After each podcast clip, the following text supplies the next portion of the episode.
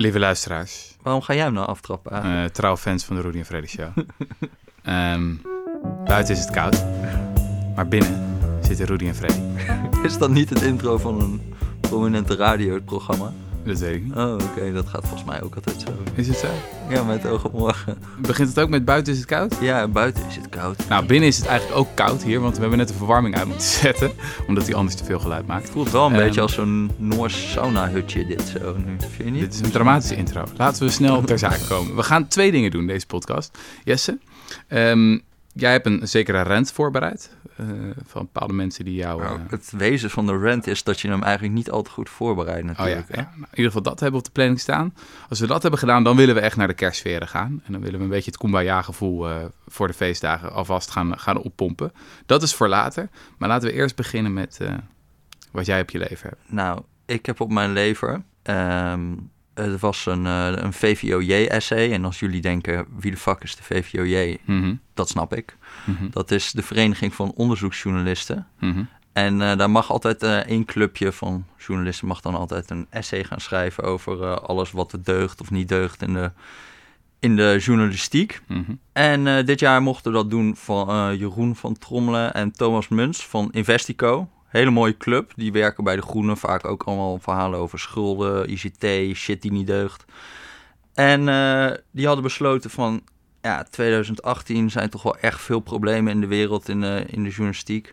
Maar toch misschien wel een van de meest kwalijke ontwikkelingen. Dat is Jesse Frederik Ja. en een volstrekt marginaal clubje van mensen... die af en toe eens een oplossing in een journalistiek verhaal schrijven. Ja.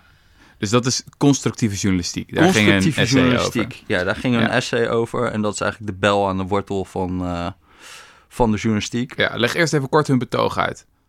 Of is dat, kan ik dat beter doen? Nou, probeer jij het eens. Nou, volgens mij was hun punt, eh, constructieve journalistiek is gevaarlijk. Dus dat zijn journalisten die niet alleen een probleem willen analyseren en alle betrokkenen spreken, et cetera, et cetera.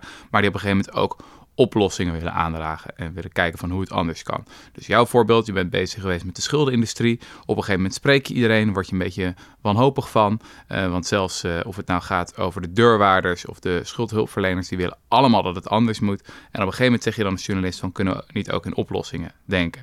Jij bent zelfs zo ver gegaan om een manifest te schrijven. Je bent een soort van activistje geworden. En dat is natuurlijk hartstikke Oh. kwalijk voor de journalistiek. Want journalisten moeten gewoon verslag doen van de feiten. En eh, jij bent nu zwaar betrokken geraakt. Stel nou dat iemand in dat clubje corrupt was gebleken. Dan had je het niet meer durven op te schrijven. Dus jij bent eigenlijk besmeurd geraakt door dit hele project. Althans, dat was het betoog. Als ik het. eh, Ja, ja, ja. Ik ga, ik ga ze zelfs even quoten. Opbouwende journalistiek stelt zichzelf een doel en ziet zichzelf als middel. mhm. En het vast- vastpinnen van een doel belemmert de journalist bij het innemen van een afgewogen standpunt. Ja, dat dus. Nou, weet je wat ik daar vooral heel irritant aan vind? Omdat ik gewoon denk, volgens mij heeft iedereen daar gewoon last van. Of je nou onderzoeksjournalist bent of oplosjournalist of weet ik veel wat. Ik weet nog dat ik toen met Erik, of die, dat verhaal waar ik ooit de tegel mee heb gewonnen, weet ja, je wel. met Erik wie? Erik Smit van eh, Mhm. FTM. Toen hadden we zo... Follow the money. Follow the money, sorry. Mhm. En eh, dat was dan een slipverwerker en die had allemaal credit default swaps op collateralized debt obligations eh, gekocht. Nou ja, je hoeft niet te weten wat dat betekent om te weten dat dat foute boel is. En, maar wij waren natuurlijk ook gewoon helemaal amazed door dit verhaal. We waren onderzoeksjournalisten, maar we dachten wel van... alsjeblieft, laat dit bedrijf gewoon in vlammen opgaan. Dat is echt Ja. geweldig voor dit verhaal, weet je wel. Ja. En zo hebben we toen eigenlijk... Nou ja, als ik het nou teruglees, denk ik... Zo hadden we niet helemaal moeten doen. Maar het, als je het verhaal leest, dan loop je ook weg met de indruk... Yo, dit bedrijf staat echt op omvallen. Dan zie je acute nood en eh, het gaat helemaal naar de kloten. Terwijl ze zijn gewoon weggelopen met miljoenen winst... en eh, ze staan nog steeds overeind. Ja. Want eigenlijk was het verhaal gewoon... ze hebben gewoon een klein risico genomen op een enorme catastrofe... en een grotere kans op dat ze er ook een miljoenenwinst gaan doen... maar dat is nog steeds onverantwoord. Maar dat is gewoon natuurlijk niet echt een lekker verhaal. Nee. Dus dan wil je heel graag van ze gaan helemaal naar de kloten. Ja. En volgens mij heeft eigenlijk gewoon iedereen daar last van, weet je wel. Als je een onderzoeksjournalist bent, dan raak je ook zo verliefd op je eigen verhaal... dat je op een gegeven moment ook gewoon ehm, heel erg daar naartoe gaat redeneren. ja. En dat heb je ook als je gewoon oplossingen voorstelt, kan dat ook gebeuren. Maar, de, ja, dat Maar je zou kunnen betogen van dat aan- gaat nog een stap verder. Dus in dit geval, oké, fair enough. Iedereen heeft een soort van confirmation bias. Je wil je eigen verhaal, nou ja, oppompen en je gaat het bewijs zo arrangeren dat het, dat het klopt met het mooie sprookje wat je in je hoofd hebt. Ja, Maar jij gaat nog, natuurlijk nog een stap verder. En je, je wordt bevriend met allemaal mensen in de scene. En daardoor krijg je persoonlijke banden. En dan... eh, Ja, oké. Ik zie, maar ik ben ook niet naïef of zo. Ik zie Mhm. ook best wel het gevaar. Maar je moet dan gewoon, dan is niet de oplossing, doe dat niet. Maar wees gewoon eerlijk tegen jezelf. mhm. En probeer gewoon, eh, je hebt altijd op de beurs, heb je mooi eh, gezegd, dat heet Strong Opinions Weekly Held. Hm. Dat doen wij ook hopelijk een beetje in deze podcast. Hadden een paar weken geleden hadden we een of ander verhaal over die geesteswetenschappen. Dan denk ik ook achteraf komt er allemaal shit over. En dan denk ik, ja, goed punt ook eigenlijk. Dat ging ook een beetje kort door de bocht. Mhm. En dan, ben ik, dan denk ik ook van, ja, ik zeg wel allemaal hele drastische dingen. Mhm. Maar zo zwaar meen ik het nou ook weer niet. Als het gewoon niet helemaal klopt, Mhm. dan moet je er gewoon toch een beetje gaan Ja, je, moet een soort van vrijheid van meningsverandering zijn. Ja, precies. En ik hoop dat ik dat wel, dat ik dat wel kan of zo. Ja. En maar dat moet iedereen gewoon oefenen. Dat, gaan, dat is best wel kloten om te Ja. doen namelijk. En maar dan in, het- denk in ik, het stuk gaan ze, gaan ze een voorbeeld van... stel nou dat er eh, iemand dan in zo'n schuldencampagne... een corrupte boef blijkt. En eh, je zat geloof ik in een podcast met Bas Haan... ook zo'n onderzoeksjournalist van Nieuwsuur. En toen werd jou gevraagd van... ja, maar stel nou dat het zo'n corrupt figuur is... zou je het dan over schrijven? En toen antwoordde jij... dat is een moeilijke vraag. En dat zetten ze Ja, dat in dat stuk dus- neer als, als een soort van moment van... zie je wel, Jesse valt door de mand. Eh, hij is geen echte... ja, echte maar dat vond ik, dus, dus dat vond ik eigenlijk ook gewoon heel flauw van ze. Van, als ze een paar minuten door hadden geluisterd in die podcast, dan had ik gezegd, ja, als ik weet dat iemand corrupt is of zo, natuurlijk ga ik het dan publiceren. Mhm. Maar wat ik me wel kan voorstellen, is dat ik, want daarom bedoelde ik, dat is een moeilijke vraag. Ik ga namelijk gewoon niet zo snel een verhaal schrijven over fraude door een armoedebestrijder. Net als ik ook niet zo snel een verhaal ga schrijven over, weet ik veel, een CDA met een ecstasy-laboratorium of eh, Mhm. de achtergestelde positie van het insect in het dierenrijk of zo. Er zijn gewoon, va- sommige verhalen interesseren mij dan gewoon niet. En dit is niet iets wat mij heel erg interesseert. Maar als, ik Ja. er, als toevallig een pak papier in mijn postvak belandt... waaruit blijkt dat iemand een een of andere armoedebestrijder hartstikke corrupt is... ja, dan ga ik het Ja, natuurlijk wel publiceren. Ja. Alleen die keuzes maakt denk ik iedereen de hele tijd, toch? Van je gaat bepaalde dingen toch ook onderzoeken en andere dingen niet. Nou, dat is misschien wel wat mij het meest irriteert bij, laten we zeggen, dit slag onderzoeksjournalist. En de term onderzoeksjournalist irriteert me eigenlijk al mateloos. Want iedere journalist zou, wat mij betreft, een onderzoeksjournalist moeten zijn. Eh, Of net zoiets als wetenschapsjournalist. Dan denk ik, ja, oh, dus andere journalisten mogen niet wetenschap gebruiken of zo. Of die doen dat niet goed. Mhm. Ja, whatever. Ehm, maar het het van het idee dat je verslag moet doen van de feiten. En dat je gewoon moet rapporteren over de werkelijkheid. En dan eh, schotel je je lezers de werkelijkheid voor. En die moeten dan daar iets mee gaan doen.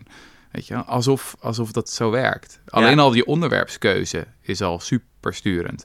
En vervolgens moet je ook nadenken over... wat gebeurt er precies met het verhaal als ik het de wereld instuur?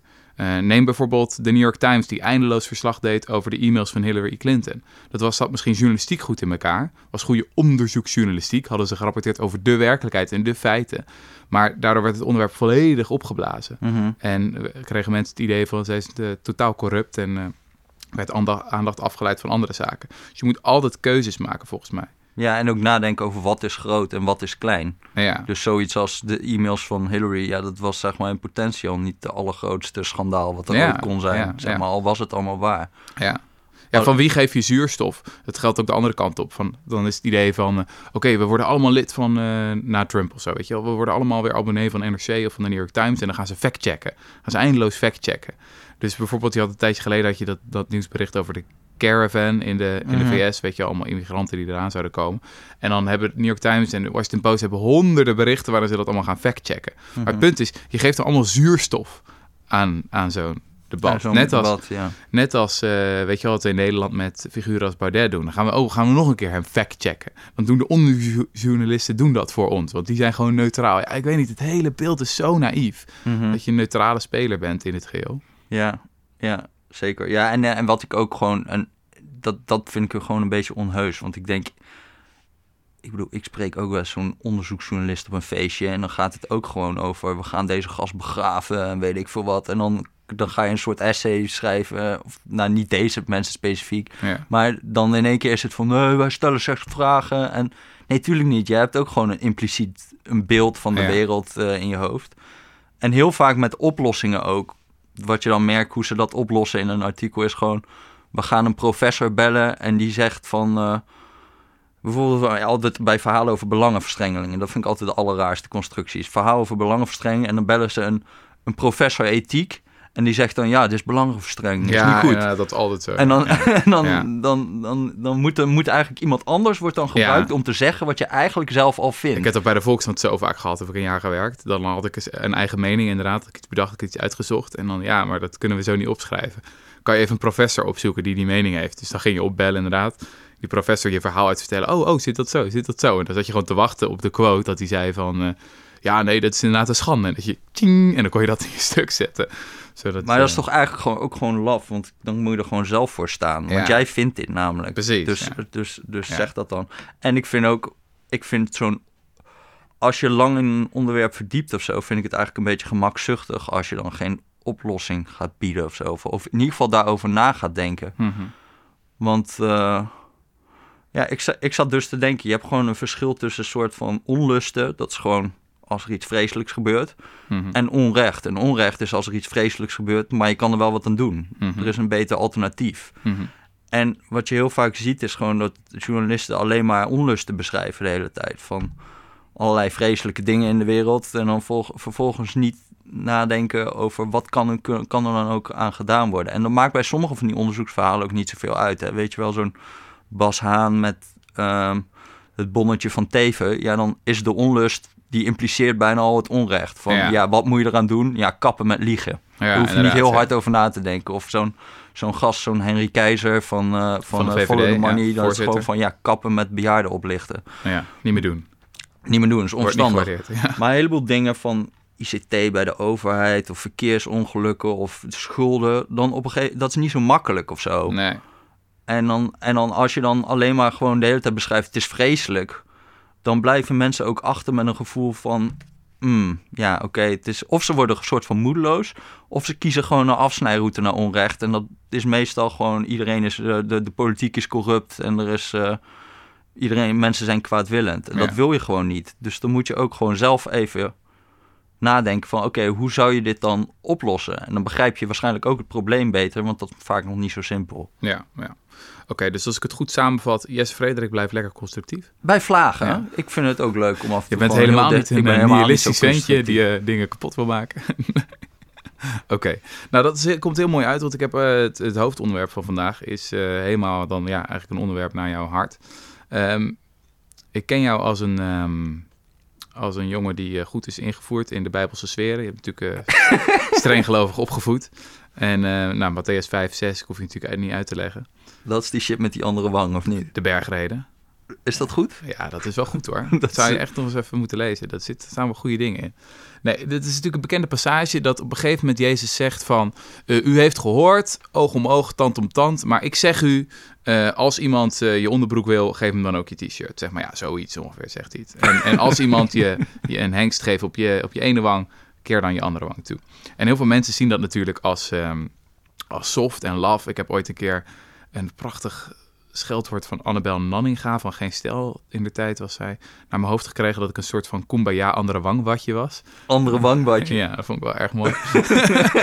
en ehm, ehm, ik ben natuurlijk sinds september met ehm, verlof om aan mijn boek te schrijven. En één deel van het boek gaat over, eh, ja, je zou het de kracht van de andere wang kunnen noemen. En toen ben ik gestuurd op het fenomeen wat psychologen, want psychologen hebben hier natuurlijk een andere deftige wetenschappelijke term voor. En die noemen het non-complementair gedrag. Dus ehm, in het geval bijvoorbeeld van deze constructieve journalisten, we hebben eigenlijk nu best wel complementair gereageerd, zij doen stom tegen ons en wij gaan even tekeer tegen hen.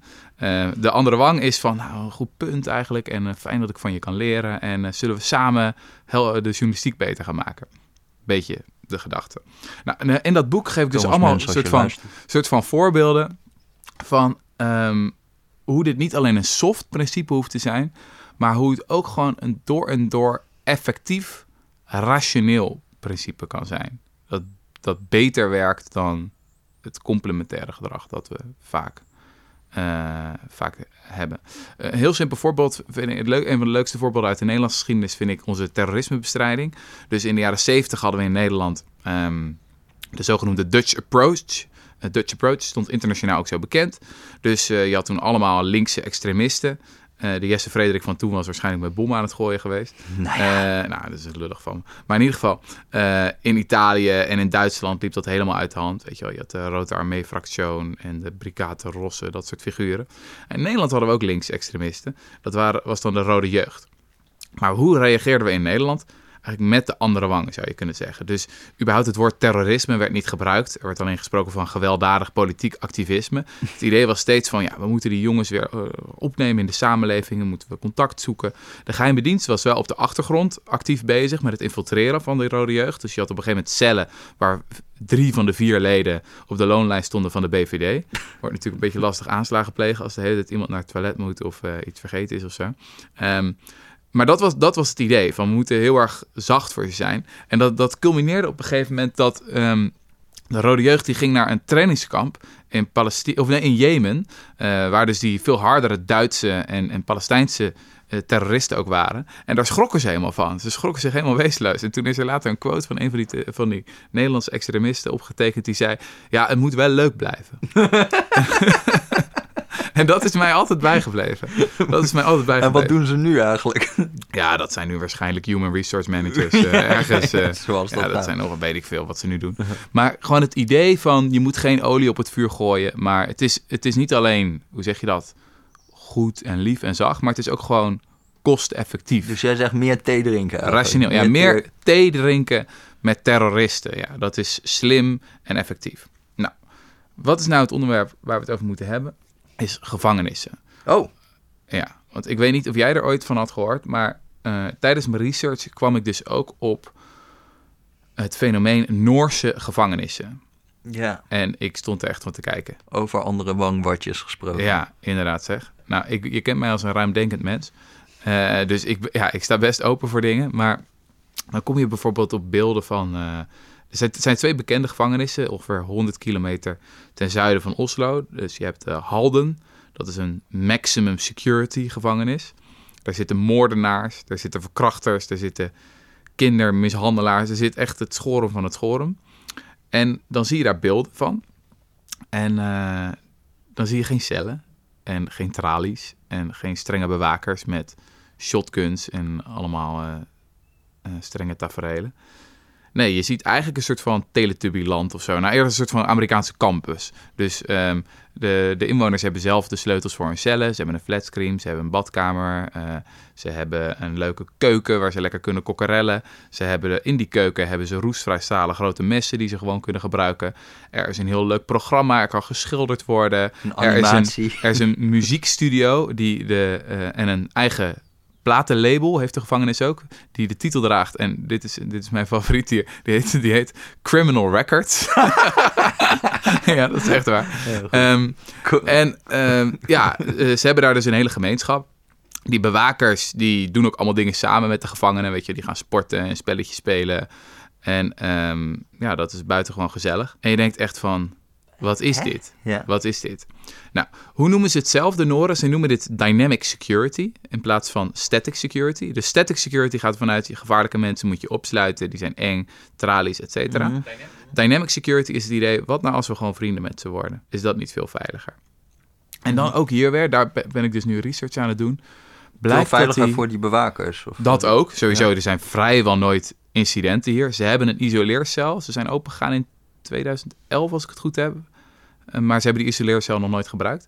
Ehm, er zijn eigenlijk eh, vrijwel nooit incidenten. Mensen corrigeren elkaar. En je denkt, enerzijds denk je van, nou, dit kan echt niet. Weet je wel, er, zitten echt, er zijn ook mooie documentaires gemaakt dat ze dan iemand interviewen die, weet ik veel, een, een dubbele moord heeft gepleegd. En dan op de achtergrond zie je een paar van die messen hangen en je denkt, oh, nee, dit, dit gaat iets te ver. Of er is een andere gevangenis, Bastoy heet die. Dat is een eiland. Echt een soort van utopia-achtig eiland waar die 115 gevangenis, eh, gevangenen eh, met de bewakers eh, ja, ook allemaal leuke dingen aan het doen zijn. Een beetje de boerderij aan het bijhouden. Ehm, gezellige spelletjes. Ze moeten wel alles onderhouden, maar daar zijn ook die beroemde beelden van. Van bewakers die zitten te zonnebaden. Of sorry, gevangenen die zitten te zonnebaden. Sowieso zijn de gevangenen en de bewakers lastig uit elkaar te houden op Bastoy, want ze hebben dezelfde type kleding aan. Dus je weet ook niet precies tegen wie je praat. Maar daar was dus op een gegeven moment ook een gast die werd geïnterviewd en die had een moord gepleegd eh, met een kettingzaag. En die zat toen ook gewoon een kettingzaag te gebruiken om daar een boom om te hakken. Ja, ik ben best ruimdenkend, nogmaals. Ja, ja, ja, Ehm, ja, ja, dit is wel... Maar dit is wel echt het toppunt van de andere wang. Maar waarom was ik er zo in gefascineerd eh, door? Het lijkt nog te werken ook. Ja? Ja. Wat dan? Nou ja, de belangrijkste maatstaf natuurlijk voor of een lijkt mij, eh, is eh recidive. Dus de kans dat iemand nog een keer de fout ingaat. Nou, dat is echt, recidive is een onderwerp waar je echt helemaal op stuk kan bijten. Omdat ehm, het is heel lastig om dat te vergelijken tussen landen. Ehm, wat is bijvoorbeeld recidive? Wordt iemand eerst eh, weer gearresteerd? Of gaat het om dat iemand de gevangenis ingaat of veroordeeld wordt? Weet je, al die definities verschillen enorm internationaal. En of je pakkans... Ja, precies dat. En überhaupt, eh, hoe sterk is de verzorgingsstaat? Die is in Noorwegen natuurlijk veel sterker. Nou ja, in de VS is die heel Mm. zwak. Dus nou, het is allemaal lastig te vergelijken. Maar toch, ehm, als je al die mitsen en maren meeweegt... eh, er is één studie een tijdje geleden... die kwam uit op een recidive in Noorwegen van 20%. Ja, en de meeste vergelijkbare dingen in, alleen al in de VS... die gaan, die gaan veel hoger, naar weet ik veel, 40 of 50%. Ehm, Nederland is, is ook lastig, want het is echt lastig om... Naar mijn idee staat Nederland een is niet zo extreem als Noorwegen, maar wel zit het dichter bij Noorwegen dan die extreme gevangenis zoals in de VS. Wat echt Mhm. gewoon, ja, traditioneel gaan mensen kapot maken Mhm. en vernederen. Ehm, Maar jij zegt nu, zeg maar, de enige ding is recidive. Dat lijkt mij, dat, zeg maar, het is toch altijd een soort afweging tussen als je een crimineel in een gevangenis zet, dan Mhm. pleegt hij geen criminaliteit. Ja, ja, ja, dat is ook een afweging. ja. Precies. Ja. Dus, eh, en dan kan je een hogere recidive hebben, maar als je hem vijf jaar in de gevangenis hebt gezet, kan netto het resultaat nog steeds zijn dat, die, dat er minder criminaliteit ja, plaatsvindt. ja, ja, ja. En dus als het alleen om recidive zou gaan, dan zou je misschien totaal. Maar het- de functie van de gevangenis is natuurlijk niet alleen dat je mensen gaat heropvoeden. Het is ook gewoon om. eh, ja, wraak of straf of zo. ja, Nou, dat, dat is natuurlijk wat helemaal wringt ja, in dat dit thema. hier, als je dat verhaal hoort van dat soort gevangenissen. Maar je hebt die ehm, directeur van Bastoy, dat is dus die soort van JPJ Utopia eilandgevangenis. Mhm. Die had er wel een hele mooie redenering voor. Die zei van ja, ik kan niks doen voor de mensen die als slachtoffer zijn geworden. ik. Mhm. Daar kan ik niks aan veranderen. Het enige wat ik kan doen is alles op alles zetten om nieuwe slachtoffers te voorkomen. Ja. En dan weet ik één ding zeker, is hoe slechter ze uit die gevangenis komen, hoe ellendiger de tijd hier, ja, hoe groter de kans dat het weer misgaat. Mhm. En als ik ze zo goed mogelijk voorbereid op het normale leven, dus ze zo veel mogelijk behandeld als normale mensen, Mhm. ja, dan zullen ze zich later, is de kans groter in ieder geval dat ze zich ook gedragen als normale mensen. Mhm. En ehm, ja, dat, dat is naar mijn idee wel een heel Ja, logisch, is wel en, heel logisch. en ja. eerlijk principe. Ja. ja, nou had jij mij. Ja, dat Nou, heb ik je, heb je mij, want ik heb me nog nooit zo goed voorbereid voor Ja, een podcast. Fantastisch. Ik, ja, Rutger heeft mij een paper over Noorse gevangenissen gestuurd, gewoon Mhm. hier van tevoren. En dat is wel, wel, is wel vet, eigenlijk. Want ze hadden dus, eh, hebben dus gewoon gekeken naar... Het probleem is natuurlijk van... Als je gewoon gaat kijken, ben je in de gevangenis gegooid... en doe je daarna een recidive... Ehm, of hoe lang ben je in de gevangenis gezeten... en hoe groot is dan de kans dat je vervolgens nog een keer een misdaad pleegt... Ja. En dan heb je natuurlijk een soort selectie-effect dat de mensen die het ergst zijn, die Mhm. hebben het langst in de gevangenis gezeten, dus is de kans sowieso misschien al groter dat ze eh, weer een misdaad plegen. Ja. Dat ligt dan niet aan de gevangenis, maar aan het feit dat dat misdadigers zijn. Ja, precies. Dus wat hebben ze gedaan in dit paper? Dat was best wel leuk. Ze hebben eh, gewoon gekeken naar bepaalde rechters die Mhm. strenger of minder streng zijn. En dan kan je, eh, en je wordt in Noorwegen dus willekeurig aan bepaalde rechters toegewezen. Dus dan is de kans dat je veroordeeld wordt, is heel erg, eh, nou, is gewoon eigenlijk een beetje willekeurig. Het is eigenlijk een soort experiment. Mhm. Eh, en toen hebben ze gewoon gekeken van wat doet dat dan voor je recidive om in de gevangenis te zitten daar. Ja, dus ze vergelijken mensen die precies dezelfde misdaad hebben gepleegd. Ja, En de een gaat wel naar de gevangenis en de ander niet. ja. En dan volgen ze die mensen door de tijd heen en kijken van hoe groot is het verschil in nou ja, hoe crimineel ze zijn Ja. de rest van hun leven. En dan blijkt daar, want dat is dus wel een beetje een verschil met volgens mij al die dingen in Amerika, waar je echt Mhm. duidelijk ziet, de gevangenis is gewoon slecht voor mensen. Van dan, Ja, het zijn het soort van wat Kropotkin, de, de anarchistische prins eind 19e eeuw al zei.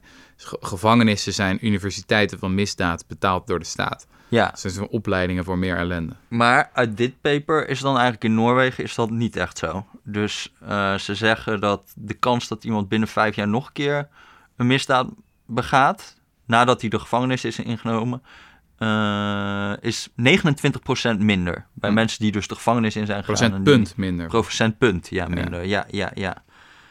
En, maar wat wel grappig was, was dat dat vooral dus ligt aan mensen die dan voor, voordat ze de gevangenis in zijn gegaan, geen werk hadden.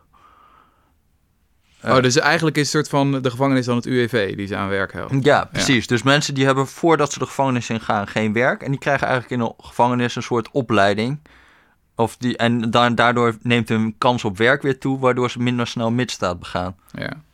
En terwijl je ziet dat ook in, eh, in, in al die Amerikaanse dingen, dat het juist omgekeerd is. En dat is ook, ook wat, wat ik wel grappig vond. In Noorwegen eh, ben je bijvoorbeeld helemaal niet verplicht te melden dat je crimineel, een crimineel verleden hebt of zo aan je werkgever. Huh. Dus een heleboel van dat soort dingen, van dat je gewoon makkelijker weer door kan met je leven. ja, dat scheelt natuurlijk enorm. Ja. Ja. in de VS is het van naar de gevangenis gaan, is het krijgen van een chronische ziekte. Ja, Je- Het is gewoon een stempel voor de rest van je leven. Je de hele tijd word je daarmee geconfronteerd. Ik vond een van de mooiste dingen in, in dat paper dat ze op een gegeven moment gingen uitrekenen van wat nou de kosten-baten zijn van zo'n Noorse gevangenis. Mhm. Ik geloof dat het iets van 70.000 kostte per veroordeling, 70.000 Mhm. euro. Ehm, maar je hebt natuurlijk allerlei besparingen. Als het daadwerkelijk waar is dat een gevangenis goed is voor mensen. Je hebt besparingen op het eh, rechtssysteem. Je, ja, je hebt minder misdaad die je moet gaan vervolgen. En allemaal rechters en politieagenten die daarmee bezig moeten Mhm. zijn. Ehm, als die mensen dan vervolgens werk krijgen, dan gaan ze natuurlijk geld verdienen en belasting betalen. Dat is ook weer een besparing die je uiteindelijk hebt. En je hebt, tot slot heb je minder slachtoffers. Nou, dat laatste konden ze lastig te becijferen. Mhm. Maar die eerste twee dingen konden ze wel becijferen. Dus de besparing op het rechtsapparaat en de extra belastinginkomsten. En dan kwamen ze er al op dat de baten twee keer zo groot waren ongeveer. ehm, staat helemaal op de laatste pagina. ehm, als eh, de, de kosten. Dus dat is ook weer een prachtig kumbaya andere wangwatje eh, principe. Eh, je investeert een euro in een crimineel en je krijgt hem twee keer terug. ja, ja, ja. het is ja. toch fantastisch? Het is fantastisch. Maar ja, hoe ga jij daar dan mee om van dat... eh, dit voelt toch verkeerd? Wat zou, wat zou je zeggen? Kijk, want ik snap het wel van uit, als, als we het heel erg plat economisch gaan benaderen eigenlijk. Dan is zo'n gevangenis eigenlijk best wel een slecht idee. En wil je eigenlijk liever, weet ik veel, taakstraffen... of gewoon dat mensen een boe, flinke boete krijgen of zo. Ja. Maar gewoon wel door kunnen met hun leven. Mhm. Eh, maar ja, met alle respect, als iemand een kind heeft verkracht, dan Ja. voelt dat toch niet helemaal. eh Maar ja. oké. Ja. En, en je krijgt hele rare conclusies natuurlijk. Bijvoorbeeld een, hier zo, hieruit blijkt bijvoorbeeld dat mensen die geen werk hadden hier van tevoren, dat die er wel gebaat zijn bij gevangenis. Moet je die dan vaker de gevangenis in gooien dan mensen die wel werk hebben? Ja. Of, zou bijvoorbeeld vrouwen, vrouwen die hebben veel minder recidieven überhaupt. Moet je die minder vaak de gevangenis in flikkeren? Ja. Ik bedoel, het is een hele moeilijke... Als je het echt helemaal zo plat economisch ja, gaat benaderen... krijg je een soort rechtsongelijkheid waarvan je denkt... Huh? Ja. Nou, ik zeg niet dat ik helemaal overtuigd ben, maar wat volgens mij het Noorse antwoord zou zijn is, nou ja, wat ik, wat ik net ook zei, dus in de eerste plaats focus op de slachtoffers die je kan voorkomen. Mhm. Dat is je plicht als, als gevangenis, als instelling. Dat is ja, je maatschappelijke roeping. En als dat betekent dat je dan een muziekstudio moet beginnen met de titel Criminal Records, ja, doe het. er komen misschien nog ille rhymes van ook nog. Ja, dat kan zomaar, kan zomaar lekker worden.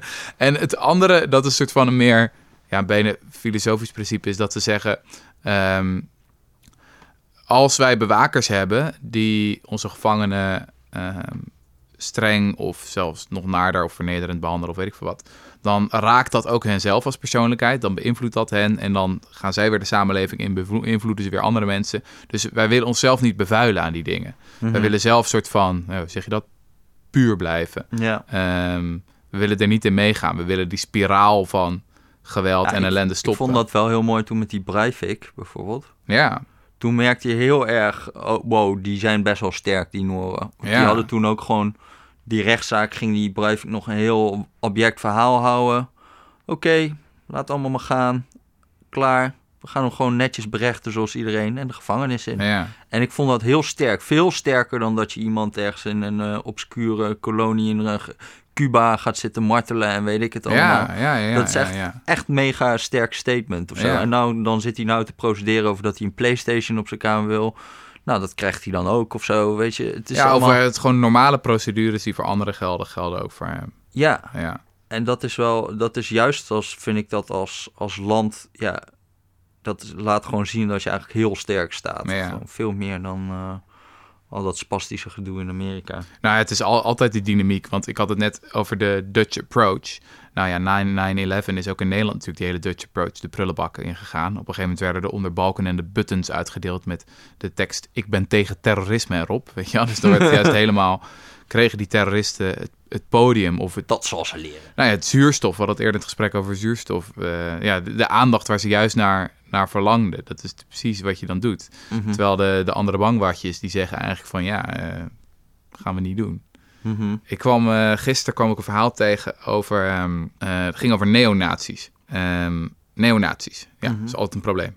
Eh, die gaan dan marcheren, bijvoorbeeld in jouw eigen dorp of stad. En dat is niet zo gezellig. Ehm, en dan heb je natuurlijk altijd de antifascisten, de Mhm. antifa's.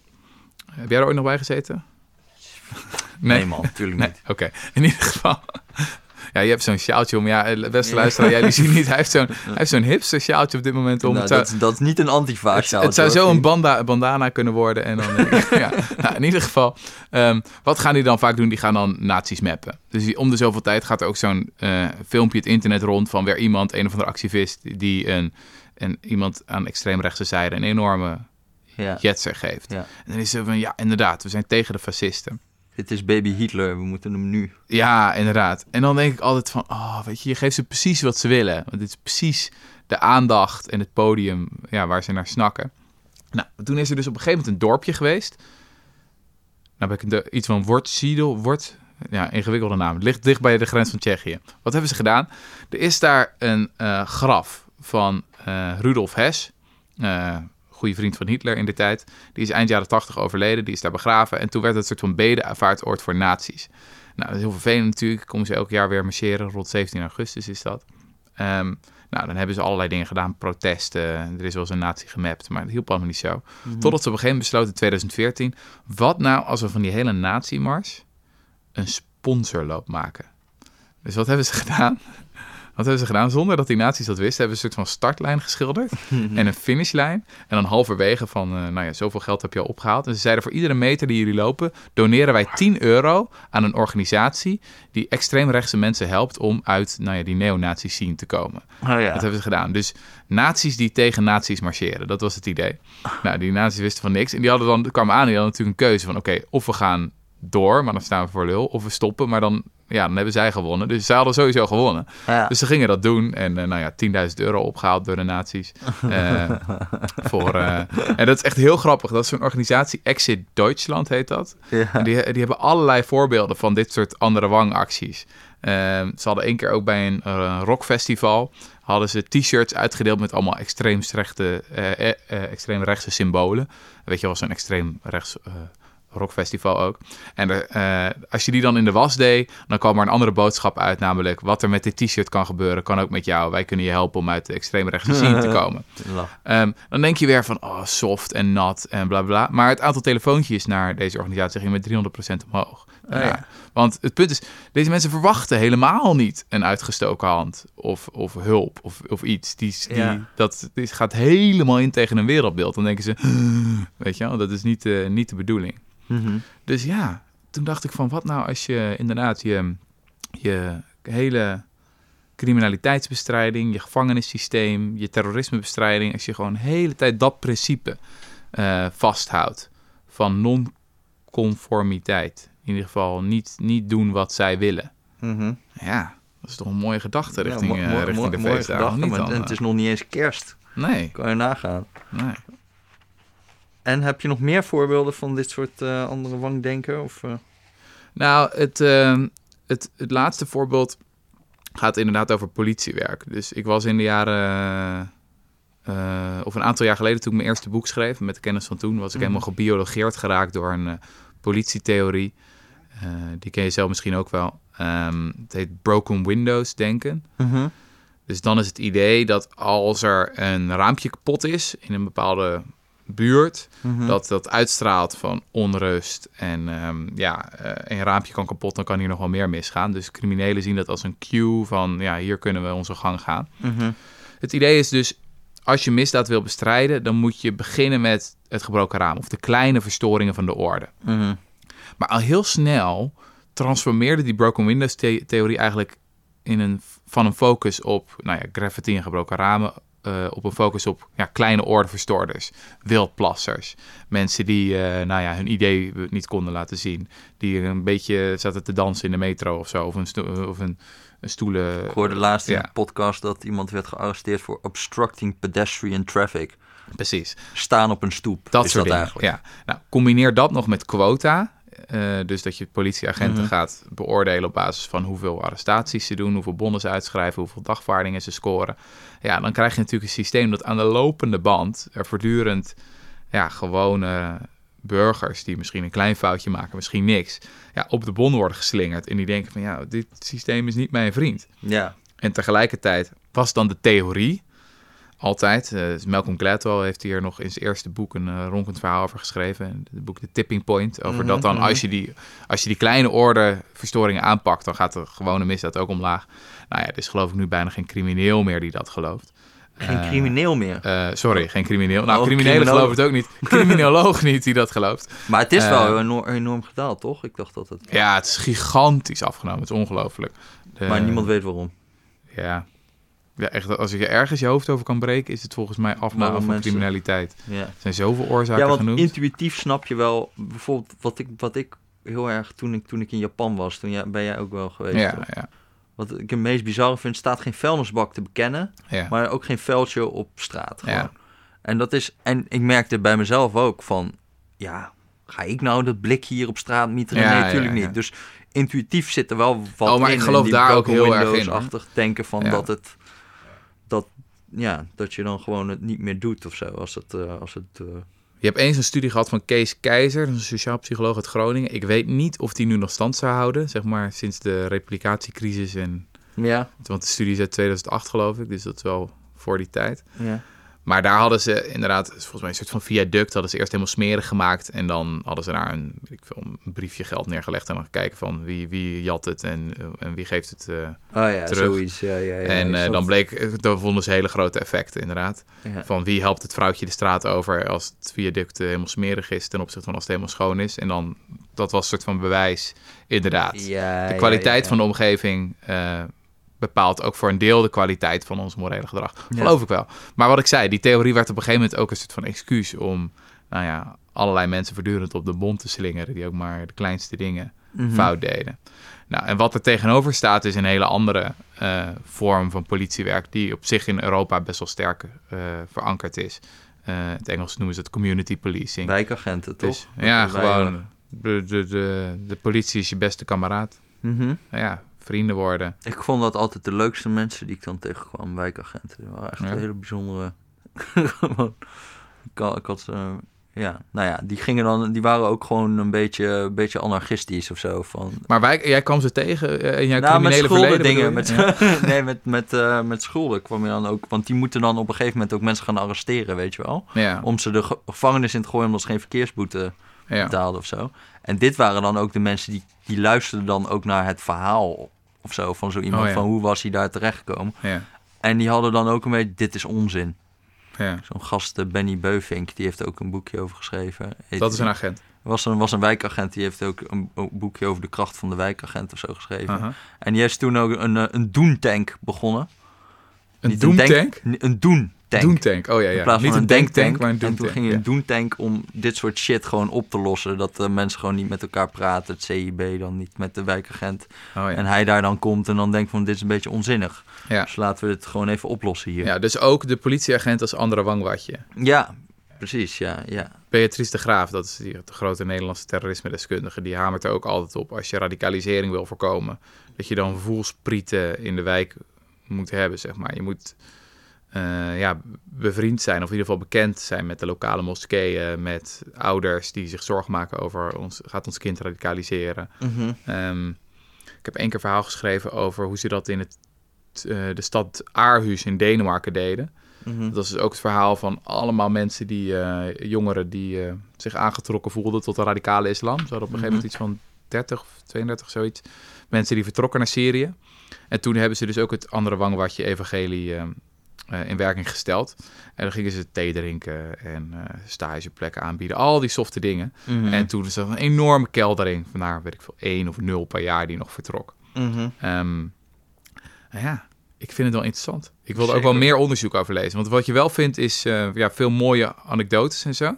Mhm. Eh, maar het is vaak heel lastig om de, nou ja, de causatie-correlatiefout... waar we het in de podcast met Sanne nog over hebben gehad... Mhm. om die te vermijden. Want je weet Nou. het nooit helemaal zeker van wat veroorzaakt nou wat. En ik ben bij, bij, ehm, bij terrorisme wat sceptischer dan bij criminaliteit of zo. Dan heb je het over zulke grote hoeveelheden mensen dat je er wel wat zinnigs over kan zeggen. Maar hoe vaak een terroristische daad gebeurt, zo weinig. Er Ja. zijn zo weinig terroristen. En je weet niet hoeveel, men, hoeveel er zijn vermeden, zeg maar. Ja. Dus je hebt geen idee van de omvang dingen. Dus het lijkt mij heel lastig om te Ja. zeggen, om daar echt iets zinnigs over te zeggen. Of om dat goed te kunnen meten of zo. Nou Dus dan blijft het bij een soort van case studies en verhalen. Wow, in Aarhus ging het een keer goed. Maar ja, hoeveel zeggingskracht heeft dat of zo? En, en heel- wat je, wat je, waar je een beetje voor vreest is van... We hebben in Nederland geen terroristische aanslagen gehad. En dus zullen we wel iets goeds hebben gedaan. ja. En dat krijg je nou in zo'n zo'n verhaal. Een beetje, beetje, beetje van, ja, we weten het antwoord al... en daarom gaan we er een verhaal omheen verzinnen. Ja. Maar dat is, ik weet niet, je weet niet of wat, het, wat echt de oorzaak was of zo. Ja. Wat Beatrice de Graaf had gedaan in haar boek Theater van, van de Angst. Dat is een mooie titel trouwens. Theater van Ja. eh, terroristen ja, proberen op dat podium op te kruipen. Mhm. En wat zij had gedaan is... Ja, ook, ik weet ook niet of ze daar nu nog mee weg zou komen. Maar in, in ieder geval een hele eh, indicator opgesteld... van hoe hysterisch het terrorisme-discours is. Dus hoe hysterisch een samenleving en journalisten... en allerlei Mhm. politici aan het doen zijn over terrorisme. Dat is allemaal maatstaven. Had ze dus punten toegekend per land. En dan dat gerelateerd aan het aantal aanslagen.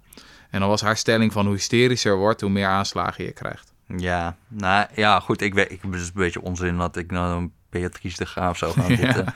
Maar ja, de meeste van die aanslagen van vroeger, bijvoorbeeld in Groot-Brittannië, is toch gewoon Ierland. Is dat dan, dat komt toch niet door hysterie of zo, Nou maar gewoon door een soort wel- politiek, Nou, het politiek idee is- probleem wat er is. Dat is toch verklaar, de Molukkers bij ons. Het idee is dat, eh, dat zeg maar, rondom de, kern, de harde kern is altijd, zo- Duits zeggen ze, een omveld van mensen die ehm, mogelijkerwijs ook geradicaliseerd kunnen worden. En die zitten naar de televisie te kijken en die denken van, bij wie hoor ik eigenlijk? En als je dan steeds de uitgestoken hand hebt en zegt, nee, je hoort bij ons. Maar kom terug, je hoort bij, bent een Nederlander, je hoort bij ons in onze samenleving. Dan wordt het mo- moeilijker om te recruteren. Net als voor die neonazies eh, wordt het lastig om te recruteren als je ze niet de hele tijd een klap verkoopt. Want dan klopt hun hele wereldbeeld niet meer. Mhm. Dan is het zo van, ja, eh, ik word, ja, je wordt niet onderdrukt. Nee, je krijgt een kopje thee. Ja, ja dat wordt lastig dan. Ja, ja, ja, ja, ja. Nou, zou kunnen. Tot zover of niet? Ja, ik we- vind het mooi. Ja, ik vind het ook mooi. vind het mooi. En ehm, moeten we nog wat eh, promotie doen voor een en ander? Eh, wij gaan een live uitzending maken ja, dat klopt. In, eh, in het Den- Nationaal Theater in Den Haag. in Den Haag. Wat is de datum? 10 december toch, of niet? Ja. 10 december. 10 december. Er zijn 150 plekken, kost niks, hoewel. Je mag zelf weten wat Ja, je wil speel wat je betalen. Ja, Dus we hebben ook weer een andere bankprincipe. We denken gewoon, jongens, ja, wij denken dat jullie honderden euro's gaan doneren. Als, eh, ja. Hoe laat is het? Het zal wel 8 uur Eh, beginnen of zo? Kwart over acht. Op een, eh, op een hele rare doordeweekse dag, toch? In Den Haag. Op een maandag. Ja, op een maandag in Den Haag. Ja. Om eh, kwart over acht. Toch? Gewoon leuk. Zeker. Leuk. Leuk. Gewoon komen. Dus wees daar. Mijn ouders zijn er ook. Oh, gezellig. gehoord. Dus Gezellig. Nou, dat is altijd een goed feestje. Tot de volgende keer. Tot de volgende keer. Tabé.